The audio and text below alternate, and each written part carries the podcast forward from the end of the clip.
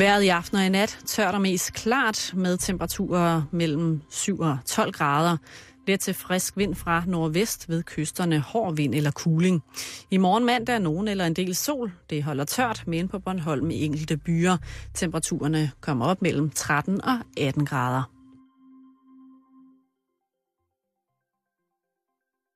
Du lytter til Radio 24 /7. Danmarks Nyheds- og Debatradio.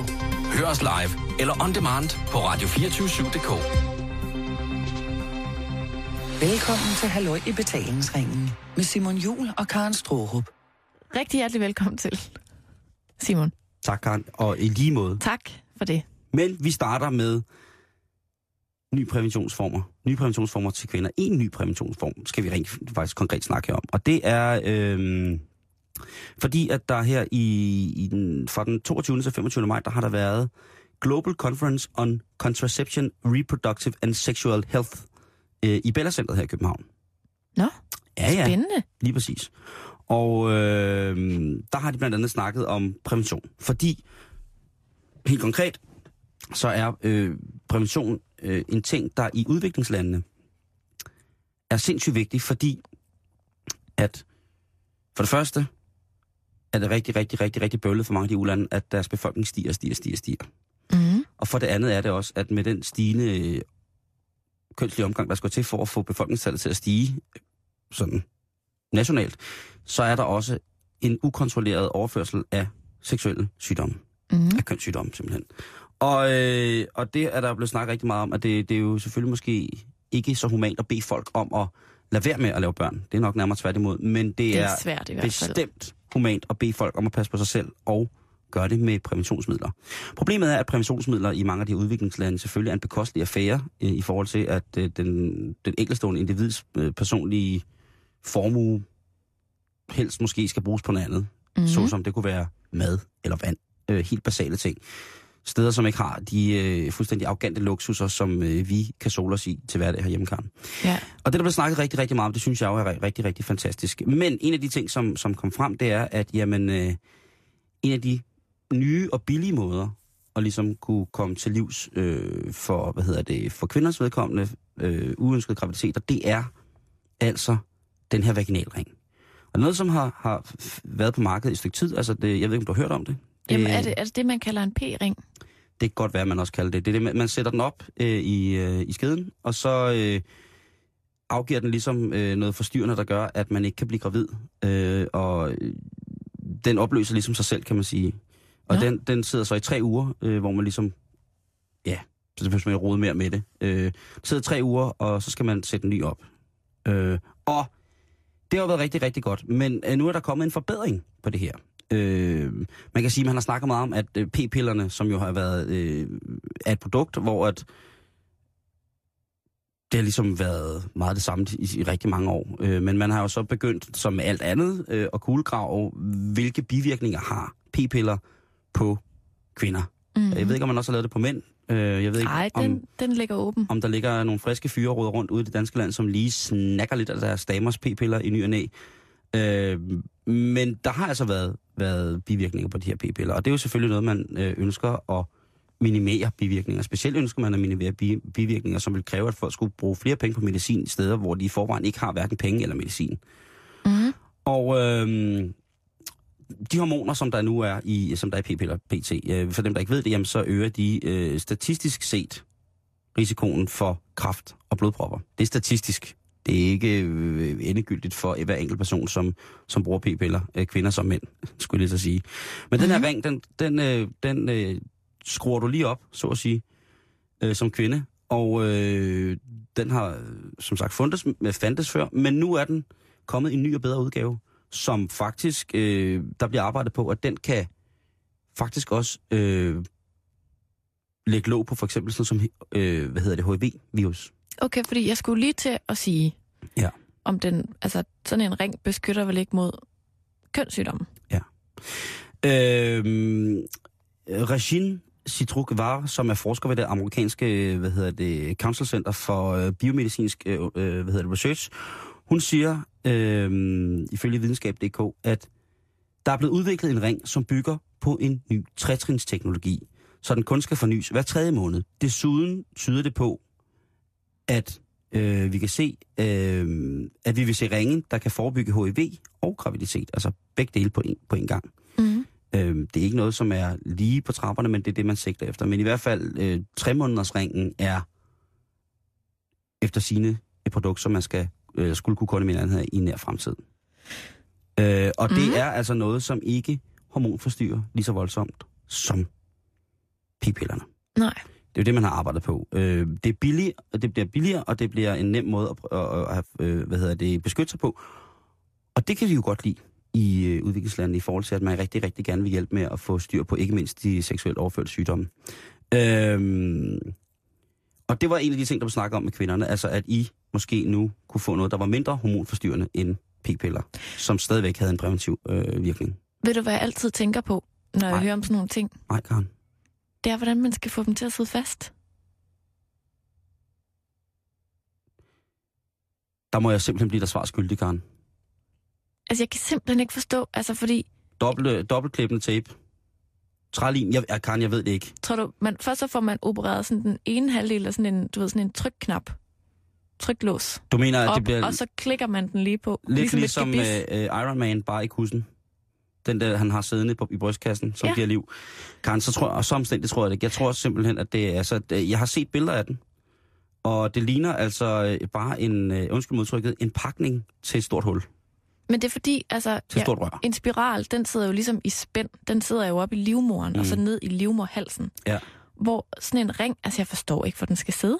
Nej, Men, Og hvad nu, øh, hvis man har sex, og at der så er en pinage, der ligesom skubber til den? Ja. Kan den så ikke lige pludselig ryge længere op og sidde et sted, den ikke skal sidde? Og... Øh, nu må jeg så blankt indrømme, Karen, jeg har utrolig ringe erfaring med, øh, med P-ringen. Jeg har aldrig nogensinde øh, hverken stukket op eller trukket ud, hvor at der har været... Øh, Altså, du ved jo ikke, om du har haft sex med en, der havde P-ring. det er fuldstændig korrekt. Det er fuldstændig korrekt. Eller gør du? Øh, det ved jeg ikke. Det Nej. må jeg nok blankt indrømme, at øh, det er ikke det første, jeg spørger om. Lige præcis der. så tager du, så tager du sådan nogle forstørrelsesbriller på og øh, gynekolog-outfittet, jeg og så leger I. Jeg har jo altid en femidon med i tilfælde af... Du nægter at bruge kondom. Jeg nægter øh, Du har altid konsekvent. femidom med. Jeg har altid et femidon med, eller, øh, eller en frysepose. Hvad hedder det? Øh, det, er jo, det er jo rigtig godt for kvinderne. Men hvad nu med mændene, Karen? Ja, hvad med mændene, Simon? Ja, og der har der jo i, øh, i mange år fandtes det, som hedder et øh, MENT-plaster, eller et mentplaster, som er et øh, er øh, en virkelig hormonforstyrrende ting, som gør, at, øh, at vi ikke rigtig, at spermen ikke virker. At spermen bliver doven. Ja, lige præcis. Øh, og det har der været, det har, der har været øh, rigtig mange bivirkninger. Men der har blandt andet, altså blandt andet været, øh, har man har læst, at øh, det har kunne pro- fremprovokere øh, prostatakræft, noget som rigtig, rigtig, rigtig, rigtig, rigtig, rigtig, rigtig mange mænd jo øh, får, og ikke dør af, men dør med. Øh, og der kunne det være en ting, som måske fremmede, at man fik det her. Øh, fordi at der var masser af, af testosteron i, i, i de her hormonting, mm. Behandlinger således.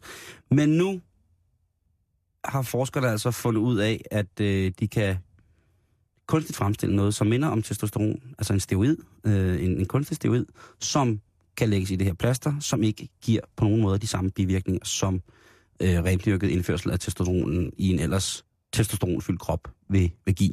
Og det er Okay. jo dejligt. Vi skal ikke øh, regne med det forløbigt. De siger, at der er en, en periode på omkring 3-4 år, men så vil det også være muligt at kunne, øh, kunne aflevere, altså øh, lad den, at mændene kunne lade den gå, men at det bliver med, hvad hedder sådan noget, blankeskud. Så det er lidt ligesom sådan et nikotinplaster, man sætter på skulderen. Det, øh, Eller sætter man den på penis. Nej, jeg tror, øh, måske skal man bære den i lysken. Jeg ved det ikke. Øh, må jeg igen indrømme, at det har jeg ikke haft så mange erfaringer med. Nej. Så jeg vil bare sige, at øh, til alle jer, der går derude og er frustreret omkring, øh, øh, måske har I hormonforstyrrelser på grund af en, en præventionsmiddel, som I jævnligt tager eller skal, skal have. Ja, der er lys øh, forud, Karen. Øh, og hvem øh, vil ikke være frisk på at lægge en vaginalring i, øh, i mandelgaveæsken her til jul, eller som studentergave?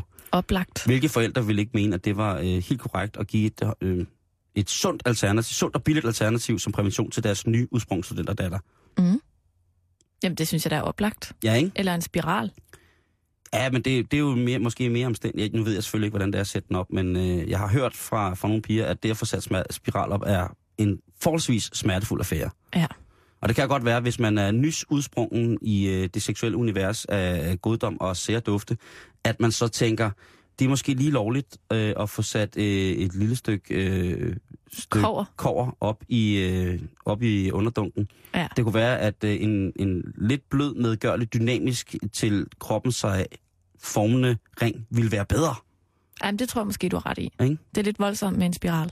Til at starte med, og specielt hvis det er en gave fra mor og far. Der er jo ikke nogen forældre, der ønsker på den måde at tilføre deres børn øh, yder, øh, så mere smerte end højst nødvendigt. Nej, det tror du har ret i. Ja, jamen altså. Så, Spændende, Simon. Så tillykke på dit køns vegne, Karen. Jamen tak, og måske også i fremtiden på dit køns. Tusind tak, var jeg glad. Simon, øh, nu skal det handle om sex på arbejdspladsen. Skal det det? Ja. Nå. Et emne, som vi også har diskuteret før. Ja. Øhm, det her med øh, de stjålne blikke Åh. igennem kontorlandskabet. Den lille Hold. fløjt ved kaffemaskinen. Ja. Dagdrømme om hende den sidder fra administrationen. Forbudte fantasier om, hvad der kan ske i det forladte mødelokale. Ja, eller ham Ja, fra ja, administrationen. bevares. Det er ikke, jeg går ikke ud fra, at det kun er mænd Nej, og lesbiske, som fantaserer om... det ved jeg ikke. Det siger undersøgelsen ikke noget om. Oh, okay. Bevares. Øhm, men i hvert fald det her med sådan, altså, al form for sex på arbejdspladsen. Det vil sige både den, vi rent faktisk udfører, og den, vi fantaserer om. Ikke? Ja. Den, som ikke bliver til noget, og den, som ender med et, et, et langt og smukt ægteskab. Ja. Er du klar? Der er ikke den, der hedder firmafest. Den er også indover. Okay, okay. Ja, ja, ja. Jeg er klar. Og jeg vil godt ved med, at alle har prøvet det. Ah. Altså det her med at føle sig tiltrukket af nogen på arbejde. Nå, jo, jo, selvfølgelig. Altså, eller måske komme til at ubevidst at flytte lidt, eller sådan det der med at synes, nogen er dejlig på arbejdet. Ja. Så er der så nogen, der kan kontrollere det, og nogen, der ikke kan kontrollere det, ikke? Det er så også en sandhed. Anyways, den amerikanske netavis businessinsider.com har lavet en undersøgelse om, hvor almindeligt sex på jobbet rent faktisk er. Ja. Og som man måske kunne gætte sig frem til, så viser undersøgelsen, at det er altså langt mere almindeligt, end man lige skulle gå og tro. Det kunne jeg nok godt forestille mig. Ja. Den her undersøgelse den er foretaget blandt 2.500 personer anonymt via en undersøgelse på nettet, hvor man skulle svare ja eller nej til 23 spørgsmål. Okay. Er Og det den en her, test, du vil tage på mig nu?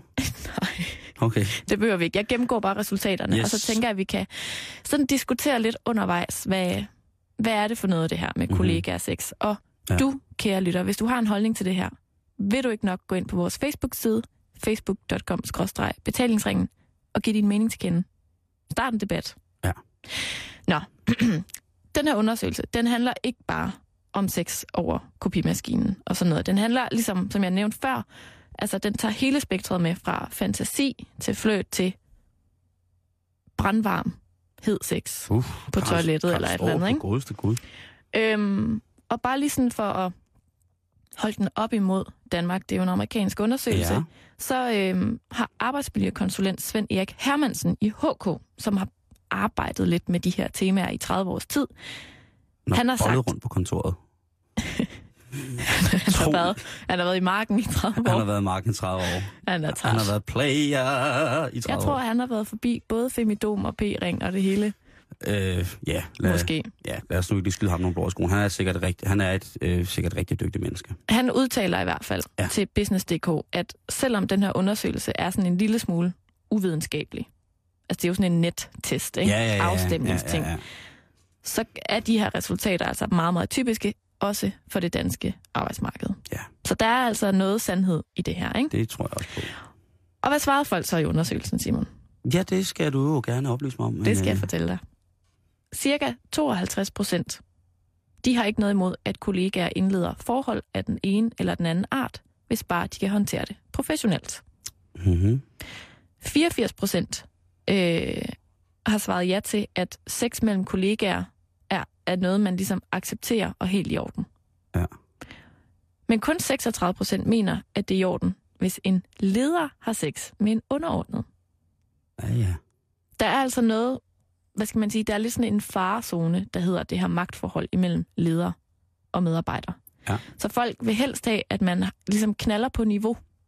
hvis man kan sige det Ja, sådan. man skal... Øh, ja. Og ikke så meget opad, og heller ikke så meget nedad, Nej. fordi det kan nemt gå hen og blive noget råd, når man Ja. ja. blander autoriteter og sådan noget ind i det. Ja. 35 procent af de adspurgte i den her undersøgelse har haft sex med en underordnet. Uh. Det vil sige, at der er nogle mellemledere indover, måske nogle chefer, et eller andet. ja. 14 procent har svaret i undersøgelsen, at de har haft sex med deres chef. 14 procent af det, det alligevel. Mm. Ja.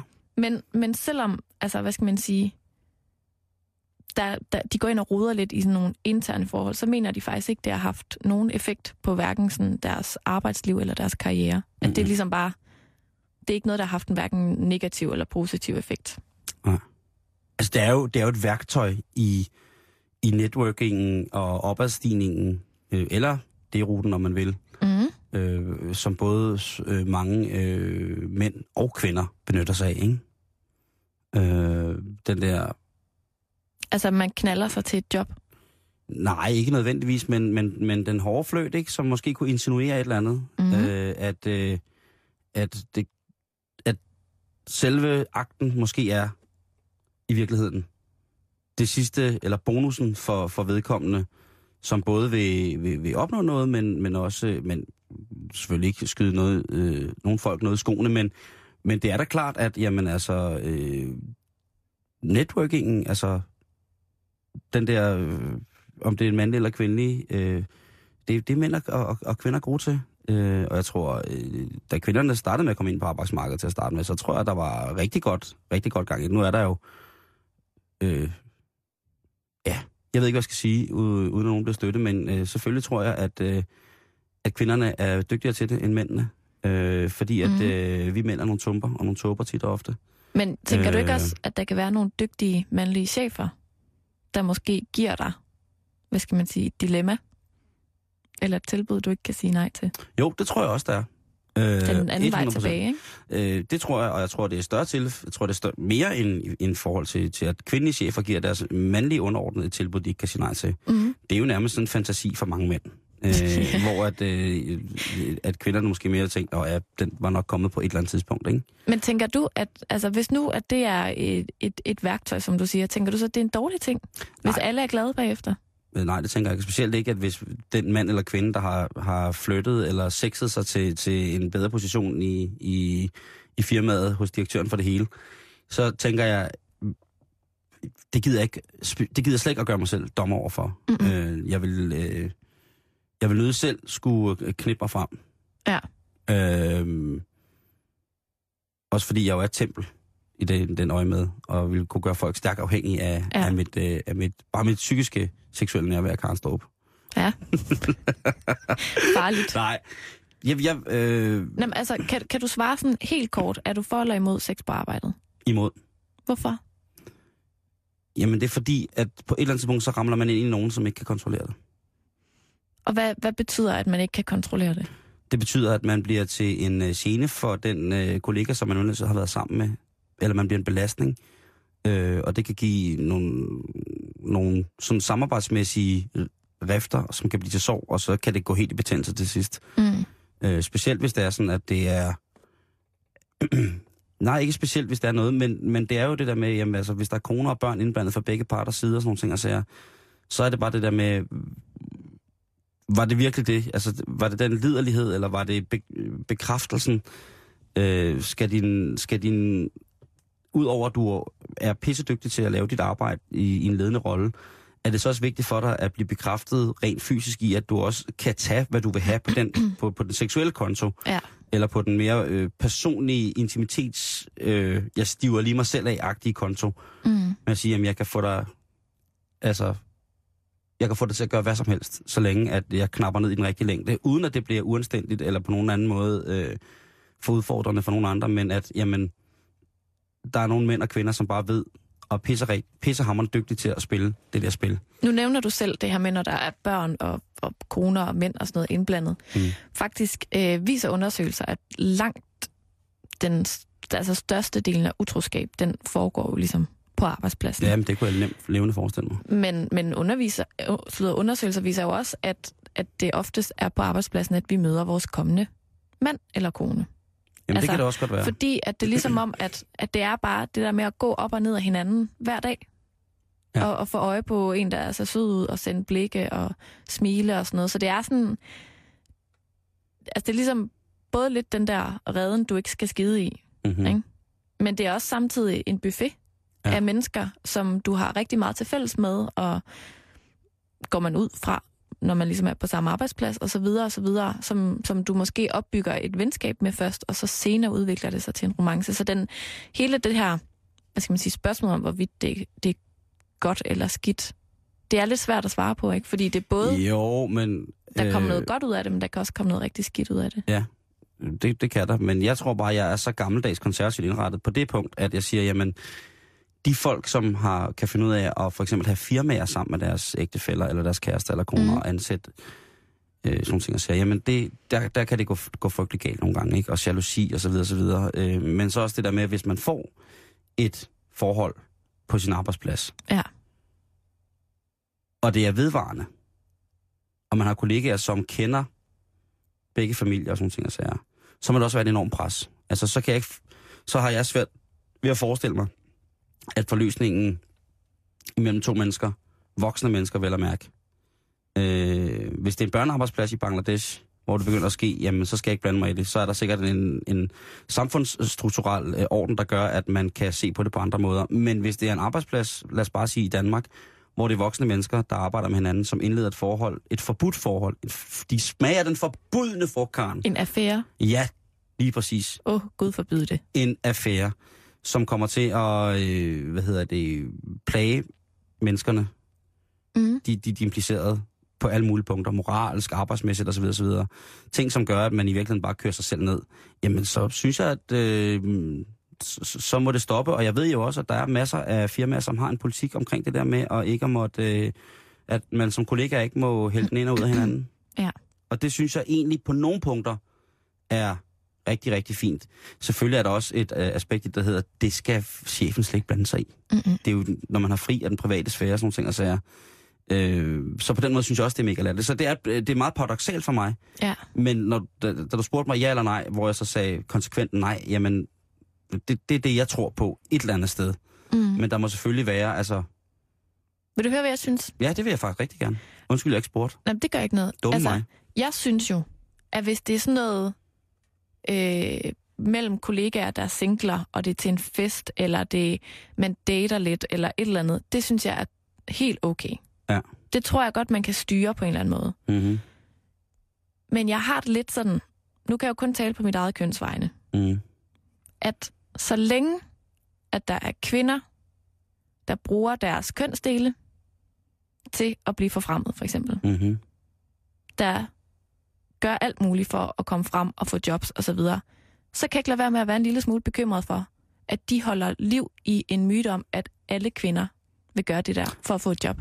Men hvad så med kvinder, som bare bruger deres fordel, altså som charmer og, og, og, og knapper ned og sender det rigtige smil, og Det synes jeg er stadigvæk noget helt og andet. stadig er øh, sindssygt kompetente til deres job. Det synes jeg er noget helt andet. Ja, fordi den er egentlig god nok, ikke? Altså prøv at alle elsker jo at flytte. Jamen, det, Og flytte er ikke at være hverken utro eller at være noget som helst, hvis du spørger mig. Nej. Jeg synes, det er fedt at flytte. Og det er sådan... Det er jo bare sådan en måde at sprede godt humør på, Mhm. mm-hmm. så længe man stopper flytten, inden at man laver noget gris. Ja. Det, det synes jeg er okay. Jamen, det synes man må godt også være er- et, et åbent, udadvendt, øh, charmerende menneske, mand det skal man som helst. kvinde, Ja, lige præcis. Både mand og dam. mand og dame. Ja. Men man, jeg har det lidt svært med, med, med de kvinder, der... Jeg håber ikke, der er så mange. Jeg Jamen, kender du, ikke taler, nogen. du taler et enighedens ord med mig, Karen, men der. men, det gør men du. det gælder jo for så vidt også mænd. Altså de mænd, der, undskyld mig, knæpper sig til tops, de, de, de holder jo også liv i øh, en forestilling om, at jamen, det, så gør alle mænd det jo. Hvis der er nogen mænd, der er klar på det der. Altså det der, for eksempel myten om, at alle mandlige chefer fantaserer om praktikanten. Det er jo fordi, der har været en, en dum mandlig chef engang, der fantaserede om Men praktikanten. Karen, ikke? det tror jeg ikke er... Og nu får jeg sikkert slag, det tror jeg sgu ikke. Altså, jeg tror sgu altid, der vil... Der vil... Øh, altså... Der, ja, lige præcis, der er jo en grund til myten. Altså, der er jo altid en grund til myten, og der er altid nogen, der holder dem i live, ikke? Lige præcis. Ellers så, så, så tror jeg ikke, der vil være så mange akavede øjeblikke. Jamen, det kan også lidt være sådan en... en, en, ude i en, DR-byen, en, for eksempel. En, uh, uh, ja, nu nu skal vi jo ikke sidde og udlevere nogen, Nej, men, nej, nej, men, men nej. jeg tror, alle, alle julefester Alle har, har julefrokoster. deres omkostninger, Karen, som er omkostninger, som ikke på den måde figurerer i personalebudgettet. Der er simpelthen så mange tilbud i luften. Det, det tror jeg trygt, du kan Også gode tilbud. Også, også Spændende og, rig- og som tilbud. sagt, det der med, hvad nu hvis de de to helt rigtige, der møder hinanden til resten af livet? Og, og What the det, fuck? der er Så er det rigtig, jo- rigtig mange, der møder hinanden på arbejdet. Jamen, det er, jo, det er jo så åbenbart langt de fleste. Nå, for lige at gøre den her undersøgelse færdig, Simon, Ja. ikke? så kan jeg fortælle, at 85 procent af de adspurgte har drømt om at have sex med en kollega. 85. Ja. Der står har drømt om, jeg ved ikke om det er sådan så bogstaveligt, Ah. har haft drømme, eller bare sådan har fantaseret om Ja. sex med en kollega. Ikke? Mm-hmm. Næsten alle har været tiltrukket seksuelt af en kollega på et eller andet tidspunkt, men kun 64 procent har forsøgt at gøre noget ved det. Kun. Det er over halvdelen. Men jeg ved ikke, om det er sådan noget som at sige, skal vi knalde? Eller om det er mere sådan noget, hey, flotte sko, eller et eller andet.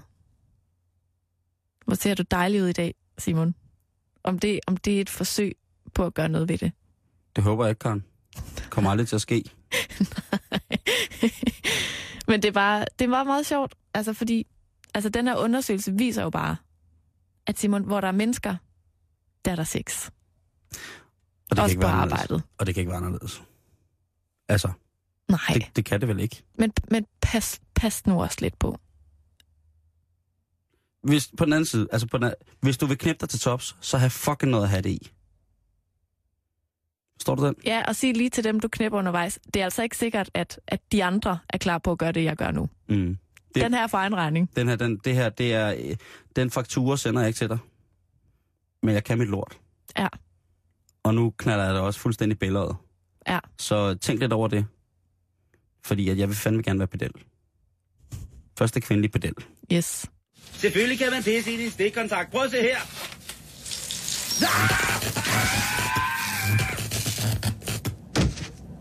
Det her er Halløj i betalingsringen på Radio 24 Øh, Karen, hvordan har du det med ulve? Øh, fint, tror jeg. Er du bange for, at, øh, at de kommer til at overtage landet? Nej. Det er, det er jeg simpelthen ikke. Kunne du være bekymret på, hvis du, nu er du jo fra Mols, Ja. øh, og så kunne jeg måske forestille mig, at du havde nogle venner, som havde heste, eller kvæg, eller høns, eller sådan nogle ting. Mm-hmm. Kunne du forestille sig, at de havde nederen over, der måske var ved at blive sat en ulvebestand i Danmark? Det kan jeg godt forstå. Altså, de er virkelig vrede over det. Altså, hvis, jo, hvis det var mine får, der var blevet slagtet af en Mhm. ulv, så er jeg også blevet sur. Ja, det er jo et, et væsen, som godt bare kan finde på at, at lemlæste. Det er lidt noget andet, hvis, hvis der boede ulve her i forvejen, men hvis det, hvis det er noget med, at der er nogen, der planter ulve i Danmark, Der har jo boet ulve i Danmark, for helvede. åh, men det er jo længe siden. Ej, det er kun 200 år siden. Altså, så, så hvis det er sådan noget med, at, at det er sådan noget lidt nostalgi, noget romantisk, nu skal vi have ulve og elge og alt muligt ud i den danske natur igen, så det ved jeg ikke rigtig, hvad jeg synes om.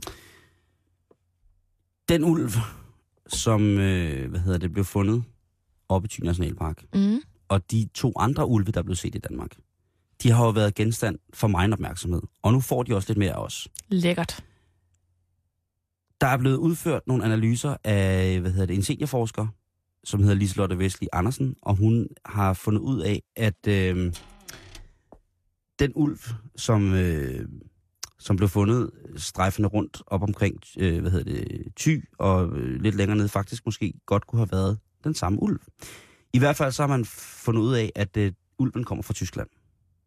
Og det kan man finde ud af, fordi at tyskerne har et ulve-DNA-register. Nå. Selvfølgelig har tyskerne det. Mm. Når de har Lidl, så har de også et ulve-DNA-register. Og øhm, den her ulv, den er blevet øh, identificeret som værende en del af det, der hedder Mikkeler-koblet.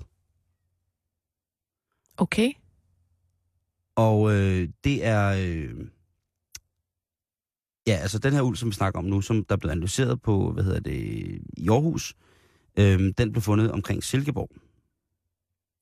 Og øh, der er, grunden til, at man har, har har fundet frem til det, det er, at der også amatører har gået på ulvejagt jo, men meget ulveelskende mennesker, så de også samlet blandt andet ulve bæ op Mm. og sendt til analyse, for man ligesom kunne kortlægge, hvor den her ulv, hvordan den bevæger sig. Det er ja. Jo nogle, nogle driftige typer, de her ulve.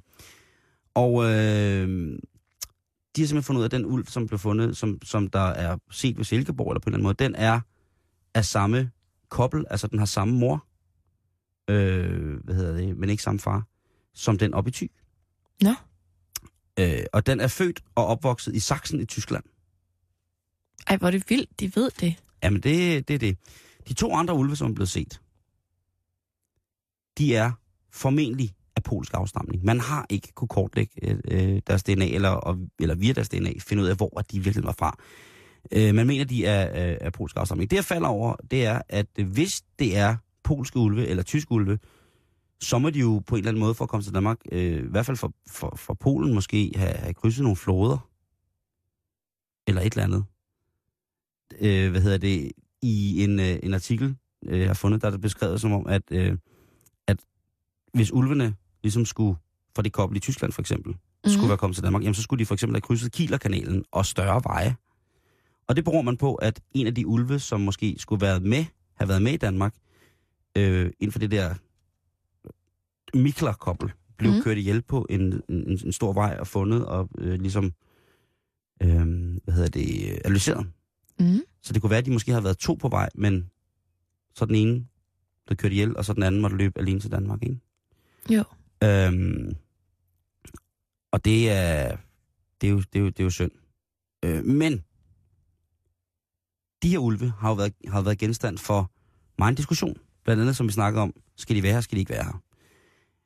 Der er opstået på de sociale medier, for eksempel i, øh, Facebook, ulvefritdanmark.dk. Ja. Øhm, og øh, Er du sikker på, at den ikke har været der hele tiden? ulvefrit, ja, det kan faktisk godt være. Den opstod i Øhm, 2007. når, man, når man læser på den, så er det ikke for sjov. Fordi at der er nogle aktivister.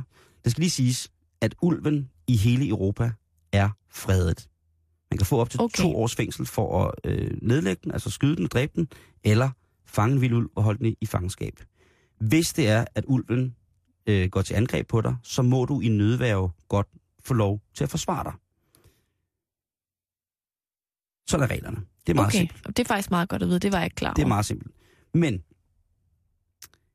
der er rigtig, rigtig mange mennesker, som synes, det er rigtig, noget rigtig lort med det her. For eksempel snakker vi om, det kunne være nogle af dine bekendte, som havde en gård, som synes, at ulvebestanden på ingen måde skal indføres i Danmark igen. Mm. Øhm, der er 3.000 danskere, som øh, uden at kny har øh, givet deres besøg og givet deres elektroniske underskrift på ulvefrit.dk. Så er der over 11.000, som har været inde og på den hjemmeside, der hedder Stop Ulven Nu, Mm. øh, og give, give til kende, at det, det her, det vil de altså ikke være med til, det her ulve det. Og så læser man rundt omkring på forskellige tråde, om i de sidste artikler, der har været trykt de sidste tre måneder, der er jo tit sådan nogle- et kommentartråd bagefter, hvor der bimler det altså mellem, at folk er rasende over, at øh, der er ulve i Danmark, og de skal bare ud med det samme. For de kan jo have alt muligt med sig. Og så er der dem, som er, stik, er det stik modsat, ikke, som nærmest gerne vil føde ulve, hvis de kan komme til det. De vil gerne giftes med ulven. Ja, de vil gerne, øh, de skal giftes med Fenris nu. Ja. Og øh, mange argumenterne, modargumenterne, er for eksempel det, som vi startede med at snakke om her, med at, jamen, det er altså virkelig, virkelig farligt for, for hus, folk med husdyr, som ting, så skal vi nu til at bekymre os om det. Ja. At øh, de, de skambider, og de øh, ja, er bare nogle utærlige, rærlige krig, ikke? Og så er der så, øh, der var lige et brev, jeg faldt over, som var en 75-årig pensionist, som skrev, at han og rigtig, rigtig, rigtig, rigtig, rigtig gerne ville i aktivering, og nogle gange så skulle man jo selv finde noget aktivering, skrev han ifølge kommunen, så han ville godt øh, ud og lægge partisansøm under ulvejægernes øh, bilhjul, så de punkterede, fordi han mente, at ulvebestanden skulle hvad hedder det, fremmes i Danmark, og hvis han skulle hjælpe med, at- altså der var ikke noget, han heller ville som pensionist, end at hjælpe med at fremme ulvebestanden i Danmark, fordi han gad ikke at sidde i et eller andet forsamlingshus og flette pæt i rør. Det synes jeg var ret morsomt. Vildt. Og så er der, Karen, Ja. øhm, så er der øh, en, en svensk tendens, som måske har indfundet sin plads i Danmark, som er noget nær øh, det mest øh, kujonagtige, jeg har øh, hørt længe. Og det hedder SGT. Ja. Skyd, grav og ti. Altså skyd ulven, grav den ned og hold din kæft. Hvad for noget? Yes. Nej, nej, nej, nej, nej. Det er øh, noget, der i, i svenske jagtkredse har kørt som sms øh, hvis at man så ulve. Ej, det, det er løgn. Det er rigtigt. Gælder det kun ulve? Ja, det tror jeg. Uvenner? øh, svigermødre, øh, hvad hedder det, der havde øh, svensk politi simpelthen blevet nødt til at gribe ind på anmodning for det svenske, det der svarer til Skovstyrelsen, fordi de havde fundet ud af, at der kører sådan noget, der hedder SGT i forhold til ulve, ikke? Nej, er det sindssygt. Ja. Og det er altså den anden gruppe af folk, som er rædselslagende. Det er jægerne. Og nu siger de jægerne. ja.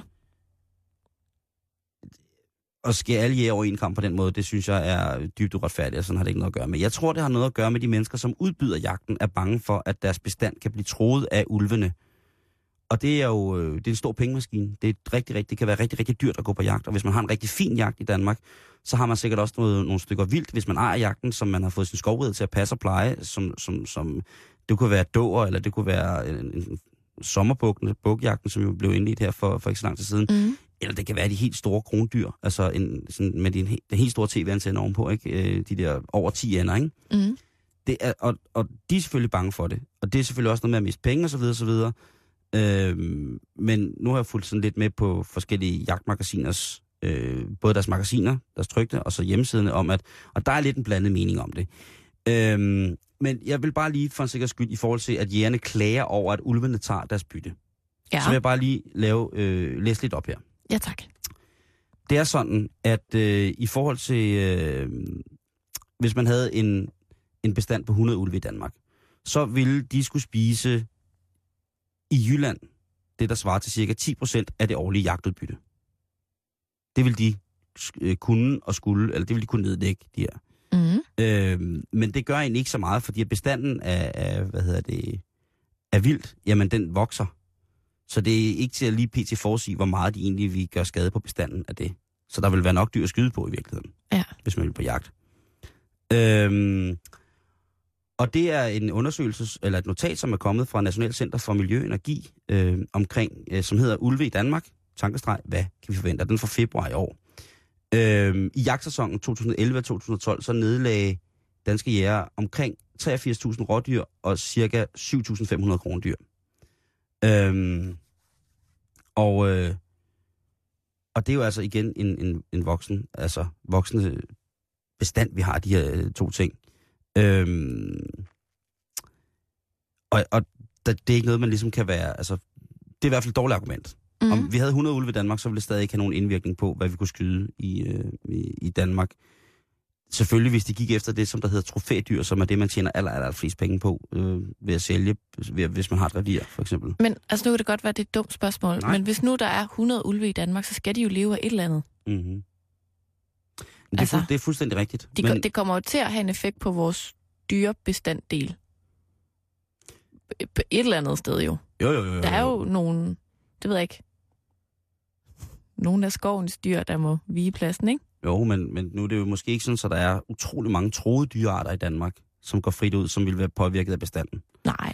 Og i forhold til, hvis det er en, en bestand på 100 ulve, så vil man jo stadigvæk kunne justere den bestand af ulve. Nå, Ligesom man okay. gør i Tyskland. Ja. Altså man vil jo kunne, øh, hvis det tager overhånd, ligesom gøre et eller andet. Jeg kan sagtens følge med i, at jamen, så er der øh, endnu et grundlag for, at der er flere øh, dyr, som kan få alle mulige øh, sygdomme, som for eksempel hundedyr har i sig. Mm. Øhm, men, men jægernes angst, den er, den er jeg meget, øh, den er meget, meget, meget, meget skeptisk overfor. Øh, og, øh, eller skeptisk overfor. Jeg, jeg synes, det, det, der er nok. Altså, der er nok, der, der er nok øh, vildt til alt. Mm. Øh, der er nok vildt til alt, synes jeg. Ja. Øh, man har også snakket om at, at, at, øh, genindføre flere, altså øh, vildsvin for eksempel, ikke? som smadrer marker og alt muligt andet. Ikke? Ej, det synes jeg vil være så uhyggeligt. Med vildsvin, Ja, jeg synes, de er så uhyggelige. du kan lide aber, som jo er det mest uhyggelige i hele verden. Ja, men kan du ikke huske den eventyrfilm, der blev lavet en gang, der hedder Willow? Den med dværgen. Ja, der flygter fra sådan nogle onde, onde, onde sorte vildsvin med røde øjne. Okay, det lyder ikke fedt. Den er fra 80'erne engang.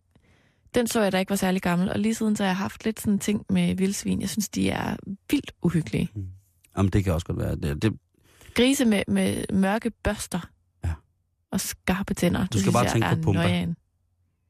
for løvernes konge. Den er også lidt uhyggelig. Og det synes jeg nu ikke. Øh, tænk på mig. Og jeg er selvfølgelig uhyggelig. Øh, hvor var det, jeg kom til her? Jo, Hva- hvad skal der ske med det her? Altså, jeg ved, jeg ved det jo ikke. Jeg synes bare, at nu, nu, nu må det snart have en ende, det der med, at man må finde ud af, hvad der sker. Skal man kontrollere det fra start af, eller skal man ikke? Fordi hvis man skal kontrollere det fra start af, så er det jo nu, man skal gribe ind. Mm.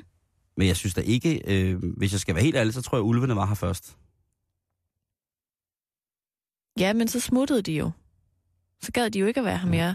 Altså, det er lidt sådan, det er ligesom, du kan jo ikke gå fra en stol, og så komme tilbage, og så er der en, der har sat sig på den stol, og så er de sådan, hey, det var min stol. Nej, det er selvfølgelig rigtigt. Men der er også mange, der, øh, der påpeger, hvor mange mennesker øh, ulve dræber. Og det er også en udgørende fare. Men hvor mange mennesker dræber ulve? Øh, jeg kiggede på en undersøgelse fra 1900 og... Øh, 18? Nej, som var foretaget mellem 1970 og så up to date. Og der var der helt konkret anført øh, tre drab af ulve på mennesker. Var det så sådan nogle lidt små mennesker? Ja, der var faktisk en, der var lidt uhyggelig, en russisk dreng, som var blevet dræbt, mm. øh, dræbt af en ulv. Øhm, så, men, altså myg dræber mange mennesker. Det man kan selvfølgelig ikke sammenligne det, men, men den, øh, den der med, at ulvene angriber og, og vil dræbe dig, og verden bliver overtaget af ulve, den, den, den har jeg svært ved at Er det ikke ligesom- Danmark. Ligesom med hugormen. At den er faktisk mere bange for dig, end du er for den. Og det hedder ikke en æderkop, fordi den æder dig. Det hedder det bare. Ej, den havde jeg ikke hørt før. Nå. Den skal jeg da lige huske på, næste gang jeg møder nogen, der er bange for æderkopper. Simon, nu øh, skal vi snakke om Botox. Ah, det Ja. var da dejligt. Skal du have noget? Nej, det tror jeg ikke. Skal du? Har du nogensinde overvejet det egentlig? Nej. Du har sådan en flot hud. Jeg engang overvejet for større bryster, men det er vist også det eneste. Ja, jeg ved ikke, det Bare for en periode. Bare lige sådan for at prøve det. Kan du ikke altså, du kan have sådan nogle indlæg? Jamen, det er ikke, det er ikke ægte nok. Nå, okay. Altså, jeg har heller ikke overvejet det, vil jeg sige. Nej. Jeg tror ikke, jeg kommer til det. Jeg har nok, altså plastikkirurgi, det har ikke strejfet mig sådan synderligt på et meget, meget alvorligt plan. Nej. Det må jeg nok indrømme. Men det er meget sjovt, fordi det er faktisk et, et ret stort tabu stadigvæk herhjemme. Om Plastisk kirurgi? du ikke alt, men Botox. Er det tabu? Ja. Jeg kender der masser, der får Botox. Gør du? Ja. Hvem? Ej, men det, men det er faktisk rigtigt nok, at der, det er lidt sådan noget, man ikke øh, skilter med. Man vil bare gerne ligne en på 25, selvom man er 60, uden at der er nogen, der stiller spørgsmålstegn Om ved Karen, det. dem jeg kender, de er slet ikke så gamle. Altså det er folk, som er på min alder, eller yngre faktisk. Jamen, det ved jeg godt. Der er også mange på min alder, der får Som det. begynder at få, øh, få Botox-behandlinger. Det kan jeg ikke forstå, der er noget tabu i. Nej, det, det kan jeg sådan set heller ikke. Men jeg tror, der generelt er lidt sådan et tabu forbundet med vores forfængelighed. Altså, det er Mm. sådan... Det er lidt ligesom, hvis, hvis der er nogen, der siger sådan, ej, hvor, hvor, hvor ser du godt ud, og sådan, har du ikke tabt dig, træner du ikke helt vildt, sådan, ej, det er ikke så galt. Og så løber man 10 km om dagen for at opretholde et vis udseende. Det har jeg i hvert fald fornemmet rigtig, rigtig mange steder. Det kan godt være, at man skal være på min alder for at fornemme det. Ja, det tror jeg. Men jeg tror også, det foregår på din alder. Måske, Jo, jo, selvfølgelig gør det det. altså jeg ved ikke, altså i hvert fald så er der et, et lille tabu forbundet med det der med at bruge rigtig, rigtig mange penge på at komme til at se yngre ud. Ja. Det skal helst være noget, der sker helt naturligt. Mm-hmm. Og hvem har ikke også misundet folk, der helt naturligt bare har en rigtig flot hud? Det Ja. vil jeg som kvinde gerne sige. Okay. Men i hvert Jeg, fald, jeg har ikke uh, umiddelbart misundet nogen, fordi de havde en flot hud. har du ikke det? Nej. Åh, Det oh, må jeg nok- synes, det er flot. Okay. Det må jeg sige. En flot hud. En rigtig flot hud. Hvad er en flot hud, Karen? En flot hud, det er sådan en, en, øh, en, en saftig, lidt spændstig hud, der er sådan lidt glat. Men med nogle, måske en lidt charmerende smilerynke, eller lidt, lidt... Altså, den behøver ikke at være sådan fuldstændig ensartet, Photoshop-agtig, men sådan en, en flot... Altså, du har selv nævnt Johannes Schmidt Nielsen flere gange, Det er og hendes rigtigt. hud. Ja, men det er hendes farve, hudfarve. Jamen, det går ligesom ind under hud. Jeg har en flot hudfarve. Hun kan jo sagtens have en saftspændt, spændstig hud, Johanne, og så være helt askegrå. Jamen, det er selvfølgelig rigtigt nok.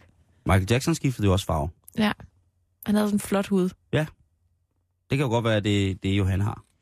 Om ikke andet, Simon, så er der de seneste år registreret en ret stor stigning i Danmark i brugen af, af den her nervegift, som det jo er, Botox, Ja. øh, som, som plastikkirurger altså bruger til at lamme muskler i ansigtet, og på den måde glat huden ud.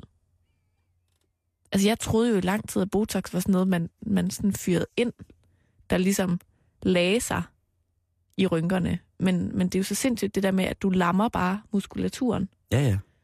Har du da ikke mærke til de der øh, folk, man kigger på i fjernsynet, som når de siger noget, så kan man ikke se, at deres ansigt bevæger sig? Jo. Altså, de taber deres mimik på Mm. gulvet. Og, og det er faktisk det, vi skal snakke om. Ja. At det er faktisk, der er nogle ret store konsekvenser ved det her. Så hvis du, kan lytte og sidde og overvejer at få Botox-behandling nummer 30 Ja. ja. eller nummer 1, så lyt lige lidt med. Yes. Der er ikke noget her, der siger, du skal gøre det, eller du skal ikke gøre det. Det er bare lidt, lidt pussy information. Ja, fordi enten så får man noget sådan noget smeltefjes, hvor det hele det hænger sådan... Øh, eller så får du øh, maske, maskefjes, ikke? Ja. Anyways, altså, det glatte look, Simon, det Ja. er simpelthen blevet trendy. I ansigtet, ikke? Ja. Det er ikke, det er ikke så meget andre steder. Nej. Men forskning, ny forskning, den tyder på nu, at det nemlig ikke kun er dine rynker, der bliver udglattet, men faktisk også din evne til at mærke dine egne følelser. Plus, at du får svært ved at aflæse andres følelser. Fordi vores mimik hænger sammen med vores følelser. Det er selvfølgelig klart. Så, så Selvfølgelig. Ansigtsudtrykket, ja. hvis, hvis du får rigtig, rigtig, rigtig meget Botox, så, så ender du faktisk med at blive sådan lidt, lidt øh, apatisk, altså lidt følelsesløs. Ikke bare i musklerne i ansigtet, men, men du får faktisk rigtig svært ved at, øhm, altså sådan, at læse andres følelser, og derved også dine egne følelser. Det synes jeg er lidt uhyggeligt. Altså, siger du til mig, at hvis man får Botox, så går det ud over, altså ikke kun ansigtsmæssigt, men også rent, altså sådan psykisk, altså inde i hjernen, vil man ikke, altså, man mister simpelthen evnen til at kunne mærke andre mennesker, hvis man får Botox. Ja. Det er, er du sikker på det? Det lyder sag, det er fandme sindssygt. Jamen altså det her med, at, at Botox-brugere har lidt vanskeligere ved at mærke egne følelser, det har åbenbart været kendt længe. Det, der er nyt, det er, at brugere af det her nervetoksin, de bliver dårligere til at aflæse andres ansigter. Så, så er der lavet øh, studier, hvor du ved, de sidder med, med billeder af forskellige ansigtsudtryk. Hvad ja. siger de her øjne? Hvad siger de her øjne? Og det kan de ikke læse. Ej, der, jeg vidste, der var en have i det Botox der. Ja. Det, er helt, det, det, det, det, det er jo ikke helt sundt, jo. Altså de personer, der havde fået Botox-indsprøjtninger, de var altså sådan signifikant dårligere til at finde ud af, hvad for nogle følelser personerne på de her de fotogra- øh, fotografier, de oplevede. Altså så, så jamen, jeg, jeg synes bare, det er lidt vildt, fordi det er sådan... Altså, det skal jo stå, det skal man jo have at vide. Altså, hvis man får Botox, så må man jo få at vide, en af bivirkningerne er, at på et eller andet tidspunkt, så kan du ikke øh, føle dine børn mere. Ja. Så kan du oprigtigt, du kan lade som om, men oprigtigt, så dør. Men faktisk, faktisk hvis, hvis jeg som ung kvinde, Ja. ikke, fuld fart på, tænker, jeg skal lige bruge 3600 kroner på en Botox-indsprøjtning. Jeg har jo ikke nogen børn endnu.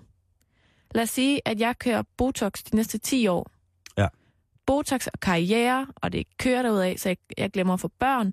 Og så om 10 år, så får jeg et barn, og så har jeg bare fået rigtig meget Botox. Så kan det faktisk godt gå ud over min relation til barnet, fordi at, at jeg ikke jeg kan kun lave to ansigtsudtryk Og hvad, ja, og til hvad, mit barn. Så jeg kan ikke kopiere. Når barnet smiler til mig, så kan jeg ikke smile tilbage, så kan jeg bare kigge stift tilbage på barnet. Og så kan barnet ikke læse mit ansigtsudtryk. Og så, så går man faktisk glip af rigtig meget. og hvad med graviditeten generelt? Nu går jeg ikke ud fra, at når man er gravid, at det er pisse sundt at få skudt nervegift øh, ind i korpuset. Og det ved jeg slet ikke noget om. Nej. Men det, det kan der da sikkert være, være noget om. Men det, men det lyder jo altså som om, at det er en svækkelse af empatien. Det må man sige. Altså, at det er sådan... Jamen, den generelle medfølelse At det, det, og det, forståelse for andre folks følelser og tilstand, det, og det har simpelthen det er noget... vanvittigt, og hvis det, det- det passer det der. Og Simon, det har simpelthen noget at gøre med, at måden, vi kommunikerer følelser på over for hinanden, det er simpelthen ved at... Du laver et ansigtsudtryk til mig, som jeg så kopierer indirekte. Okay. Altså, hvis du er ked af det. For eksempel. Ja. Og så er umådelig opgiven ud. Ja. Så kan jeg sådan... I medfølelse, sådan, så kommer jeg ubevidst til at kopiere dit ansigtsudtryk. Og så kan jeg se, ah, nu føler du med mig. Vi føler der er- sammen, der er at det er synd. Din empati gør, at jeg føler mig tryg ved... Jamen, jeg kan godt se det. Det burde faktisk næsten stå på en... Øh, det burde man ligesom kunne, øh, kunne, hvad hedder det, jeg så et program i går fjernsynet, hvor at øh, bilforhandlerne, øh, de ikke ville skrive uden på deres bilbutikker, hvordan øh, de revsede dig, Mm. når de, øh, når de gav dig et billån. Jeg synes faktisk godt, at øh, både bilforhandlere skulle gøre det, men også at Botox læger, og sådan, der lever af det, skulle fortælle, prøv at høre, der er altså en stor chance for, at du bliver øh, empatisk handicappet på et tidspunkt, hvis du fortsætter de behandlinger. Altså man kender det jo selv fra, hvis, hvis nu at, at jeg sidder og taler med et menneske, vi tager samme eksempel, at jeg sidder og er umådeligt trist, og vedkommende så bare glor helt følelseskoldt på en. Altså det er ikke særlig empatisk, vel? Men hvis han så, eller hun sagde, ved du hvad, jeg føler helt vildt med dig, men jeg kan ikke give udtryk for det rent ansigtsmæssigt, fordi jeg har fået så meget Botox. Det kan være, at man skal have sådan nogle, øh, kender du de der briller, sorte briller, hvor der sådan er tegnet øjne indeni?